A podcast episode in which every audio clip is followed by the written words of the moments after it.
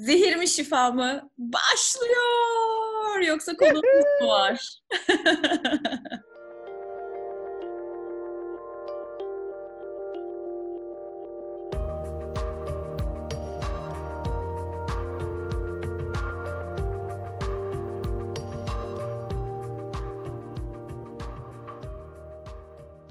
Zehir mi şifa mı'nın bugünkü bölümünde yoga konuşuyoruz. Zehir mi şifa mı? Hadi bakalım. Hemen az önce okuduğum bir haberle başlıyorum. Harvard Üniversitesi'nin yayınladığı bir makaleye göre yoga yapmak e, koronadan koruyormuş. Diyor ki makalede Allah Allah.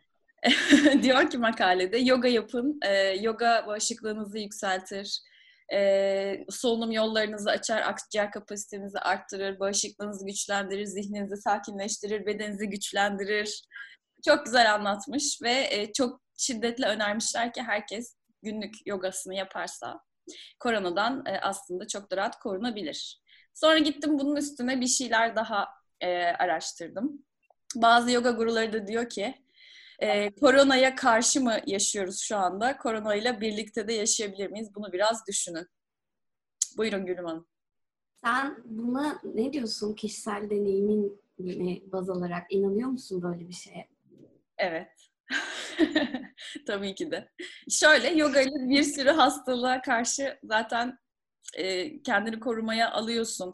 Böyle çok hmm, Iyengar gibi e, yoganın böyle babası dediğimiz insanların kitaplarında her türlü rahatsızlık için flow'lar vardır. Belli hareket setleri vardır ve aklına gelebilecek her türlü hastalık için vardır.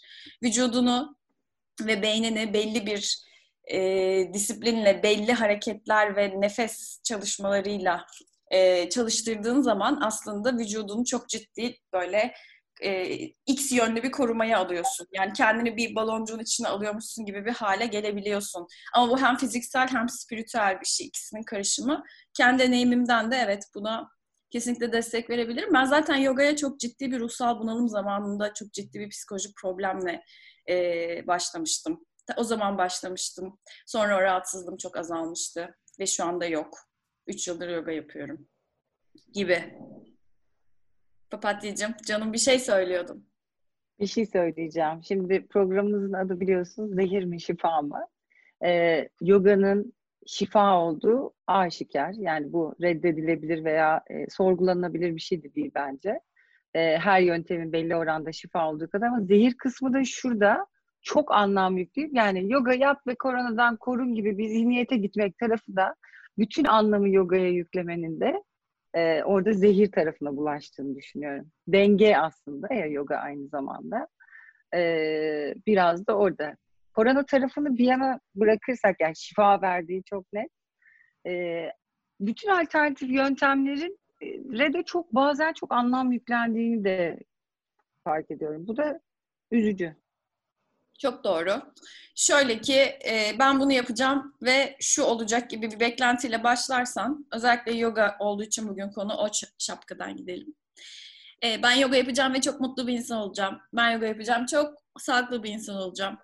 Bu yola herhangi bir beklentiyle girersen zaten öyle bir şeyle karşılaşmıyorsun. Büyük bir hayal kırıklığı oluyor. E, ve aslında yoga yolu sana beklentisizliği de öğretiyor. Hayatın getirdiğine açık olmayı, her an her şey hazır olmayı.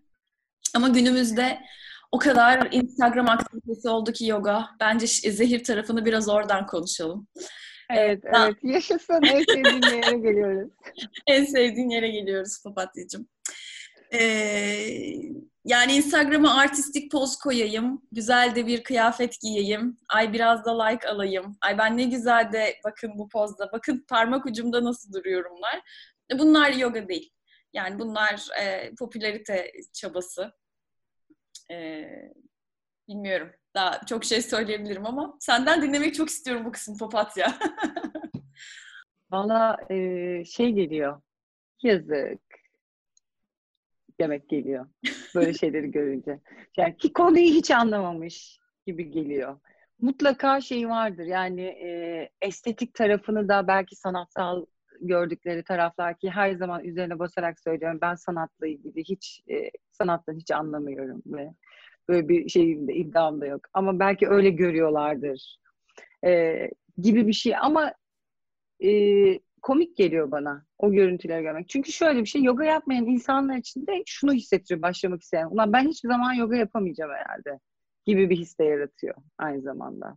Ne diyorsun Gülüm? Kendini amuda kalkmış hayal edebiliyor musun? Aslında yoga tam tersi değil mi? Hani sana ilham vermeli, başlatmaya teşvik etmeli. Ee, bunu ben de yapabilirim mi göstermeli. Ama o gösteriş budalalarını görünce papatya senin dediğin gibi hem bir irite oluyor insan. Bu ne ya falan diye o işte jan janlı e, kostümler.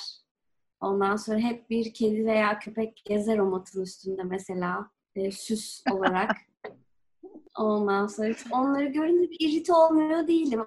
Ama aslında e, işin içine girince de işte benim daha çok yeni birkaç ay oldu. Çok da disiplini yaptığım söylenemez. Ama her yaptığım pratikte e, böyle e, zihnimle bedenim arasında vize işlemleri yürütüyormuşum gibi hissediyorum. Yani o vizeyi aldığım zaman her ikisini de çok net tanımlayabiliyorum. Sanki vücudum bana bir şeyler söylüyor, onun dilini anlamaya başlıyorum. Hani bacağımın da konuşası varmış benimle. E, avcumun içi bana bir şey söylüyor. Aa ben de buradayım ve nihayet beni gördün diyor. Bana teşekkür ediyor gibi e, şeyler hissediyorum. Çok spiritüel ve saçma. saçma. E, ama Instagram'da gördüğümüzden çok farklı bir pratik olduğunu da gösteriyor aslında yapınca, deneyimleyince. Çok doğru. Dinlediğim en iyi yoganın ne olduğunu anlatan ifadelerden biriydi gerçekten. Kesinlikle katılıyorum. Kesinlikle katılıyorum. Vize. çok iyi, çok iyi, çok iyi anlattı gerçekten. İnsan içine işler bir şekilde anlattı. Sana şifa olmaya başladığı çok net. Evet, kesinlikle. E, şimdiki hedefim artık her gün 10 dakikada olsa o matın üzerinde bir kedi köpek de olsa işte ne olsa artık bir şey yapmak ama o disiplini sağlamakta zorlanıyorum. Ama şunu da öğrendim. Yapamadığım için kendimi suçlamıyorum da artık.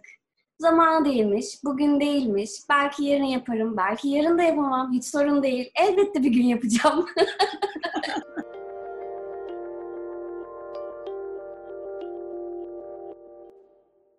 Ayça bize yoganın güzel böyle e, naif şeylerinden bahsetsene, hissettirdiklerinden. Birkaç örnekle anlatayım. Çok kötü bir gün geçirdin.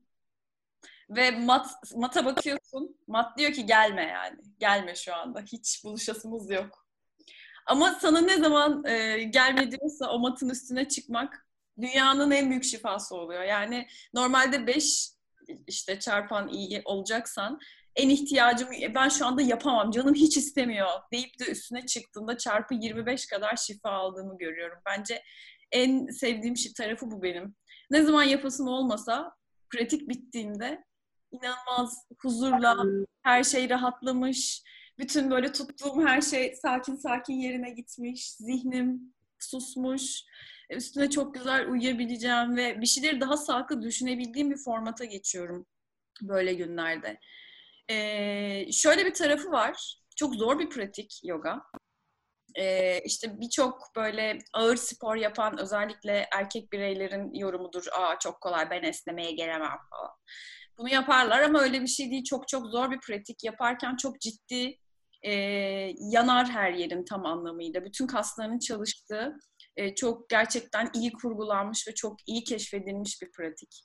E, bu sadece asana tarafı tabii.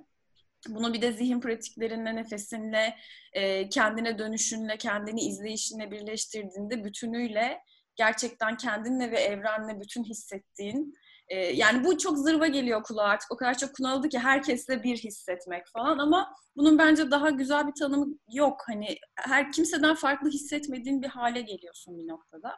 Ama o işte asana pratikliğinin biraz zorluğundan, o seni zorlamasından, alışkın olmadığın hallere soktuğunda seni bir pratik. E, ne tepki verdiğini aslında hayatta da o tip durumlarda ne tepki verdiğinle eşleştirmeyi öğrendiğin gün korkunç bir şifa haline geliyor senin için.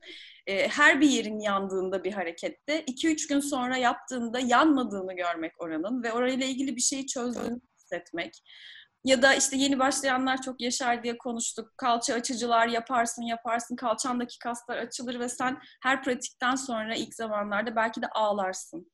Ee, bir şeyler çözülür gider. Burada e, bedeninle zihnin arasında bir bağlantı olduğu belki hiç öğretilmedi.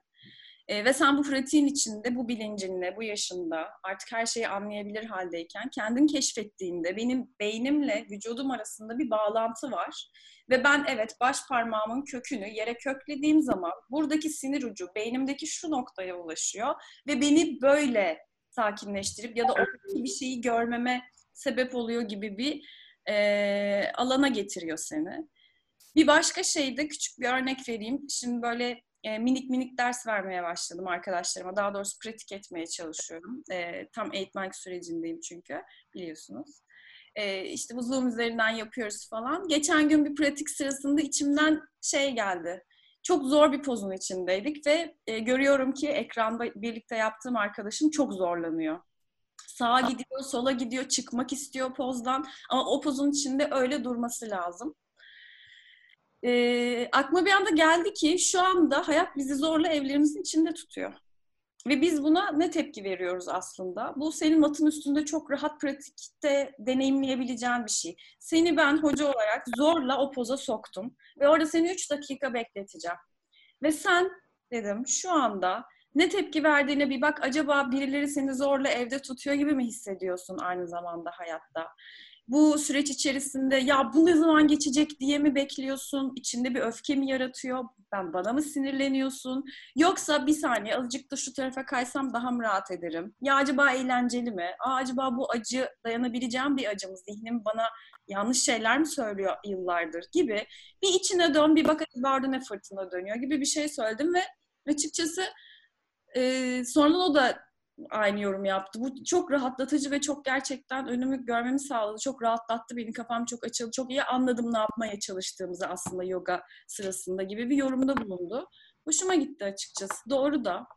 Hayat bize hep bir anlamadığımız sınırlara ve durumlara, koşullara, insanlara ve bir sürü yere sokuyor. Ve biz orada ne zaman bitecek diye beklersek ömrümüzden yiyoruz zaten. Ee, Bilmiyorum ne düşünüyorsunuz? Mesela evde şu an yapıyor musunuz bir şeyler? Onlardan da bahsedebiliriz. Ee, Gülüm ne yapıyorsun? Ben Ayça'dan ders almak istiyorum şu anda. Ee, başladığını da duyurdu. Bir türlü başlayamıyorum. Ee, deniyorum. Bir gün, iki gün, e, üç gün, dört günü geçmiyor. Sonra unutuyorum. Çünkü hani bir şekilde reddediyorum. Ama dinledikçe, dinlerken bile e, nerelerimde neye takılabileceğimi de kestirmeye çalıştığım bir şey var. Bir şey beni sürekli oraya doğru itiyor. Her hafta yeni bir yoga epi indiriyorum. Bir video seti buluyorum. Onunla ilgili karar veriyorum. Ama kesinlikle başlayamıyorum. Ben e, Gülüm'ün ilk adımı nasıl attığını dinlemek istiyorum belki hani bana da yardımcı olur bu konuda. Ee, ilk adımın nasıl at, yaptığımı hatırlamıyorum açıkçası. Ayçer, Ayçer'le sohbetlerimizde aslında tohumlar ekildi diyebilirim. Beni çok motive etti. Her gün e, bunu konuşuyorduk. Ben astroloji anlatıyorum, o yoga anlatıyor. Diğer başka bir sürü bir sürü bir şeyler konuşuyoruz. ee, en sonunda ben buna başlayacağım dedim. İlk senin gibi 3-4 belki hani bu ne ya böyle falan hani hiç ona giremedim. Hiç kafam başka yerdeydi özellikle nefes alıp verme, akışta kalma kısmı beni çok zorladı. Çünkü normal hayatımda meditasyon yapan biri de değilim. Hani onu da sokmaya çalışıyorum hayatıma ama o da oturmuş, oturmuş değil. Ama sonra Ayça'nın dediği şeyleri deneyimlemeye başladım. Ee, ağlamaya başladım mesela. Belli hareketler yaptıktan sonra e, içime oturan o vücudumun benimle konuşması bana çok dokunaklı gelmeye başladı. Bir pozda fazlaca titriyor olmam ve o titremenin sebebini anlıyor olmam bir yandan çok dokunaklı gelmeye başladı. E, her şey bittikten sonra namaste deyip teşekkür etmem kendime çok dokunaklı gelmeye başladı. Yani o aslında dışarıdan çok saçma görünen ama işin içine girdiğin zaman ve onunla bir olduğun zaman hissettiğin şey gerçekten anlatılabilir bir şey değil. Ama bunu deneyimlemek için deneyimlemek benim mesela yaklaşık bir 15-20 günde mal oldu diyebilirim. Sonrasında. Düzenli yaptın mı 15-20 gün öyle mi? Düzenli değil ama iki günde bir yaptım mesela. Hı hı. ve çok küçük e, ultra başlangıç yaptım. Yani neredeyse e, sıfır yaptım bile diyebilirim. Bir e, kedi inek işte bir güneşe selam gibi ufak ufak böyle beşer onar dakikalık şeylerdi sadece. Buna rağmen e, faydasını gördüğümü düşünüyorum. Canlı derslere katılmaya başladık mesela işte şimdi bir hocadan ders alıyorum. E, orada da ağlama moduna girdim mesela. Bu beni biraz rahatsız ediyor açıkçası. O kadar insanın içinde birdenbire gözyaşlarını tutamamak ve işte e, hakim olmaya çalışmak zor. Ama Ayça'nın söylediğine göre bir süre sonra çevremdeki insanları da fark etmemeye başlayacakmışım ve e, son derece rahat ve huzurlu bir şekilde o duyguyu kabullenip onunla yaşamayı deneyimleyeceğimi söylüyor. Mesela bu bile beni heyecanlandırıyor. Yani o aşamaya gelmek istiyorum. Sen neden e, yapamadığını düşünüyorsun? Mesela seni engelleyen şey ne sence? Ee, benim bir bağ kurmam gerekiyor karşılıklı e, model alarak yaptığım insanla. Yani bir videoda e, birkaç kere yani iki kere galiba yoga kursu denedim ama hani dersine de gittim. Beni sarmadı. Ee, video açıp yapmaya çalışıyorum ama oradaki kişinin ses tonu başka bir şeye takılıyorum. Bir şeye takılıyorum. Hep bir şeye takılıyorum. Belki hani kafam öyle çünkü. Aslında o bırakma ve e, o şeyi onunla o aramdaki bağı, bağ kısmını belki çözmem lazım. Takılmamam lazım. O tarafına odaklanmayı bırakmam lazım. Bilmiyorum. Belki çok anlam yüklüyorum. Ee, ilk başta. Daha böyle hareket gibi bakmam lazım. Bilmiyorum. Bir yerlerde takılıyorum. Şimdi e, bütün zamanımızı aslında e, geçirdiğimiz çok da üzerine bahsetmek de istemediğim bir dönemden geçiyoruz.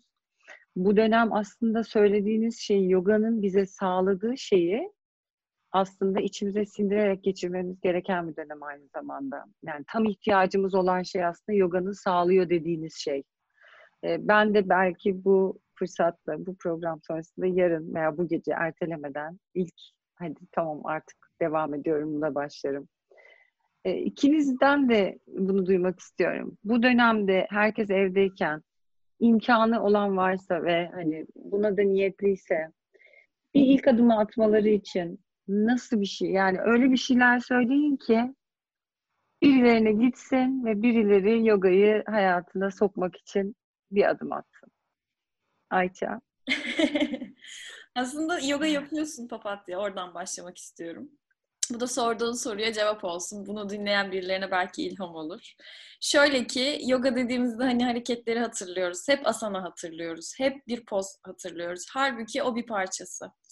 Ee, şeylerde, kutsal kitaplarda e, bu pozlar sonradan eklendi gibi bir şey var kesin olmamakla birlikte. Pozların yoganın felsefesinin içine girişi daha sonradan. E, ve biz bütün yoga pozlarını meditasyon oturuşu dediğimiz oturuşta oturabilmek için yapıyoruz aslında. Kadim öğretiler hep böyle söylüyor.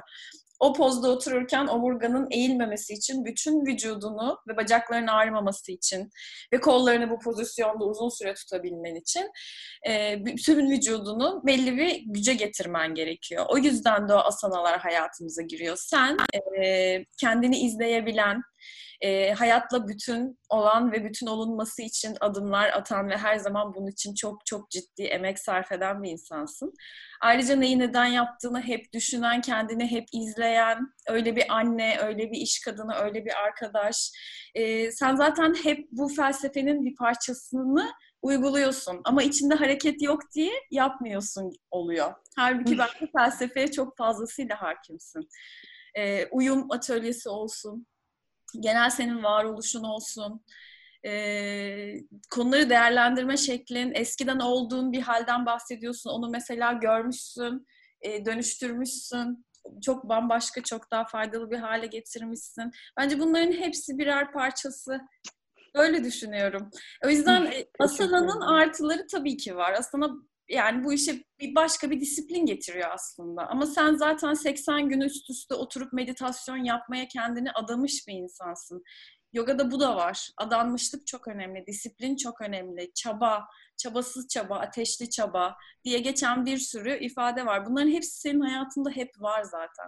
Biraz da böyle bakmak lazım. Yani ben çıkıp o pozları yapma, yapamam şimdi evde zaten sıkıştım kaldım bilmem ne deyip de böyle bir iki dakika hareket etmek için bir matın üstüne, havlunun üstüne oturmuyorsanız dinleyenler için konuşuyorum. Önemi yok. Kendinize bir görmek için yarım saat de ayırabilirsiniz. Bir 15 dakikada gözünü kapat, otur ve izle. Bu birebir bu üçümüzden birinin çok çok fazlasıyla hayatında olan bir şey. Demek ki sadece hareketlerle ilgili de bir şey değil. Bu işin şifası biraz kendini olduğun gibi görmeye ve dünyayı ve her şeyi, gerçekliği görmekle, işte kimsenin zamanından, parasından, nefesinden çalmadan, hayatından çalmadan yaşamayı bilmekle e, ve hayatta bir şeylerin doğru gidebilmesi için gerekli çabayı göstermekle ilgili bir şey bence. E, diğer tarafı da şöyle evdesin ve yapman e, gerekiyor gibi hissediyorsun ama bir türlü motivasyon bulup kalkamıyorsun. Bunun sebebi biraz şu, biz kafamızda bir şeyleri hep kurarız, kurarız, kurarız ve bunu hayata geçirdiğimizde ne olacağına dair yargıyı bile koyarız. Genelde böyle hareket etmeye alışmışız çoğumuz, şehir insanları. E, ama bir matın üstüne gelip ultra başlangıç diye setler var YouTube'da. Yaklaşık 20 dakikalık setler hiçbir şey değil. Sadece oturup kendini o videodan e, seni yönlendiren hocaya bırakıp 20 dakika bir görebilirsin. Bir pratiğin başında neydi, sonunda ne oldun. Hoşuna da gitmeyebilir, önemi yok. Ama bir denemenin hiç kimseye bir zararı yok. İlla ki, illa ki bir faydasını da göreceklerdir diye düşünüyorum. Ağzına sağlık.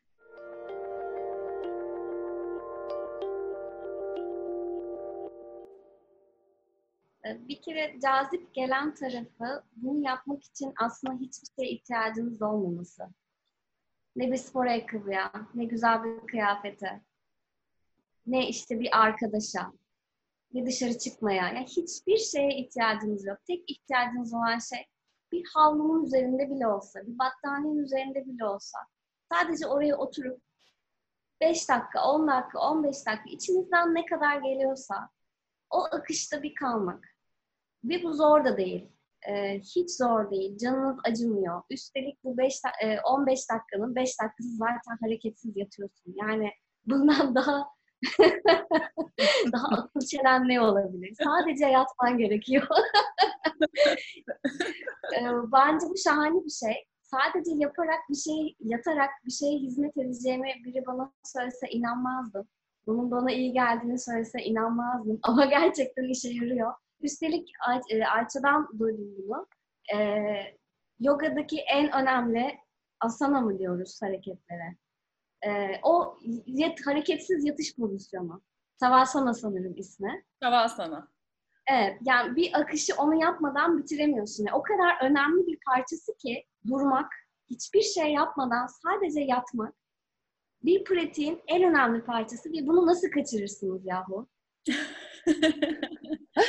Şimdi Ayça'nın konuşmaları, şimdi Batı tıbbı ve Doğu yaklaşımları e, hep böyle biri zihnini ikna etmelidir, biri kalbini. Ayça'nın konuşmaları yüzde yüz kalbimi ikna etti. Senden gelenler de kesinlikle zihnimi ikna etti. Yani bu kadar iki iyi farklı bakış açısı ikisi de ama ortak noktada buluşuyor. Yoga kesinlikle insanın hayatın içine dahil edilmesi gerekir. Neresinden bakarsan bak. Yani şunları dinleyip de bir şey yapmamak günahtır. Allah katında günahtır. Umarım bu podcast'i dinleyen herkes bir nebze de olsa merak duyar ve yapmaya çalışır. Ben umarım şifa diyorum. Ben, ben de, de şifa, diyorum. Üç şifayla uğurluyorum. Şifayla.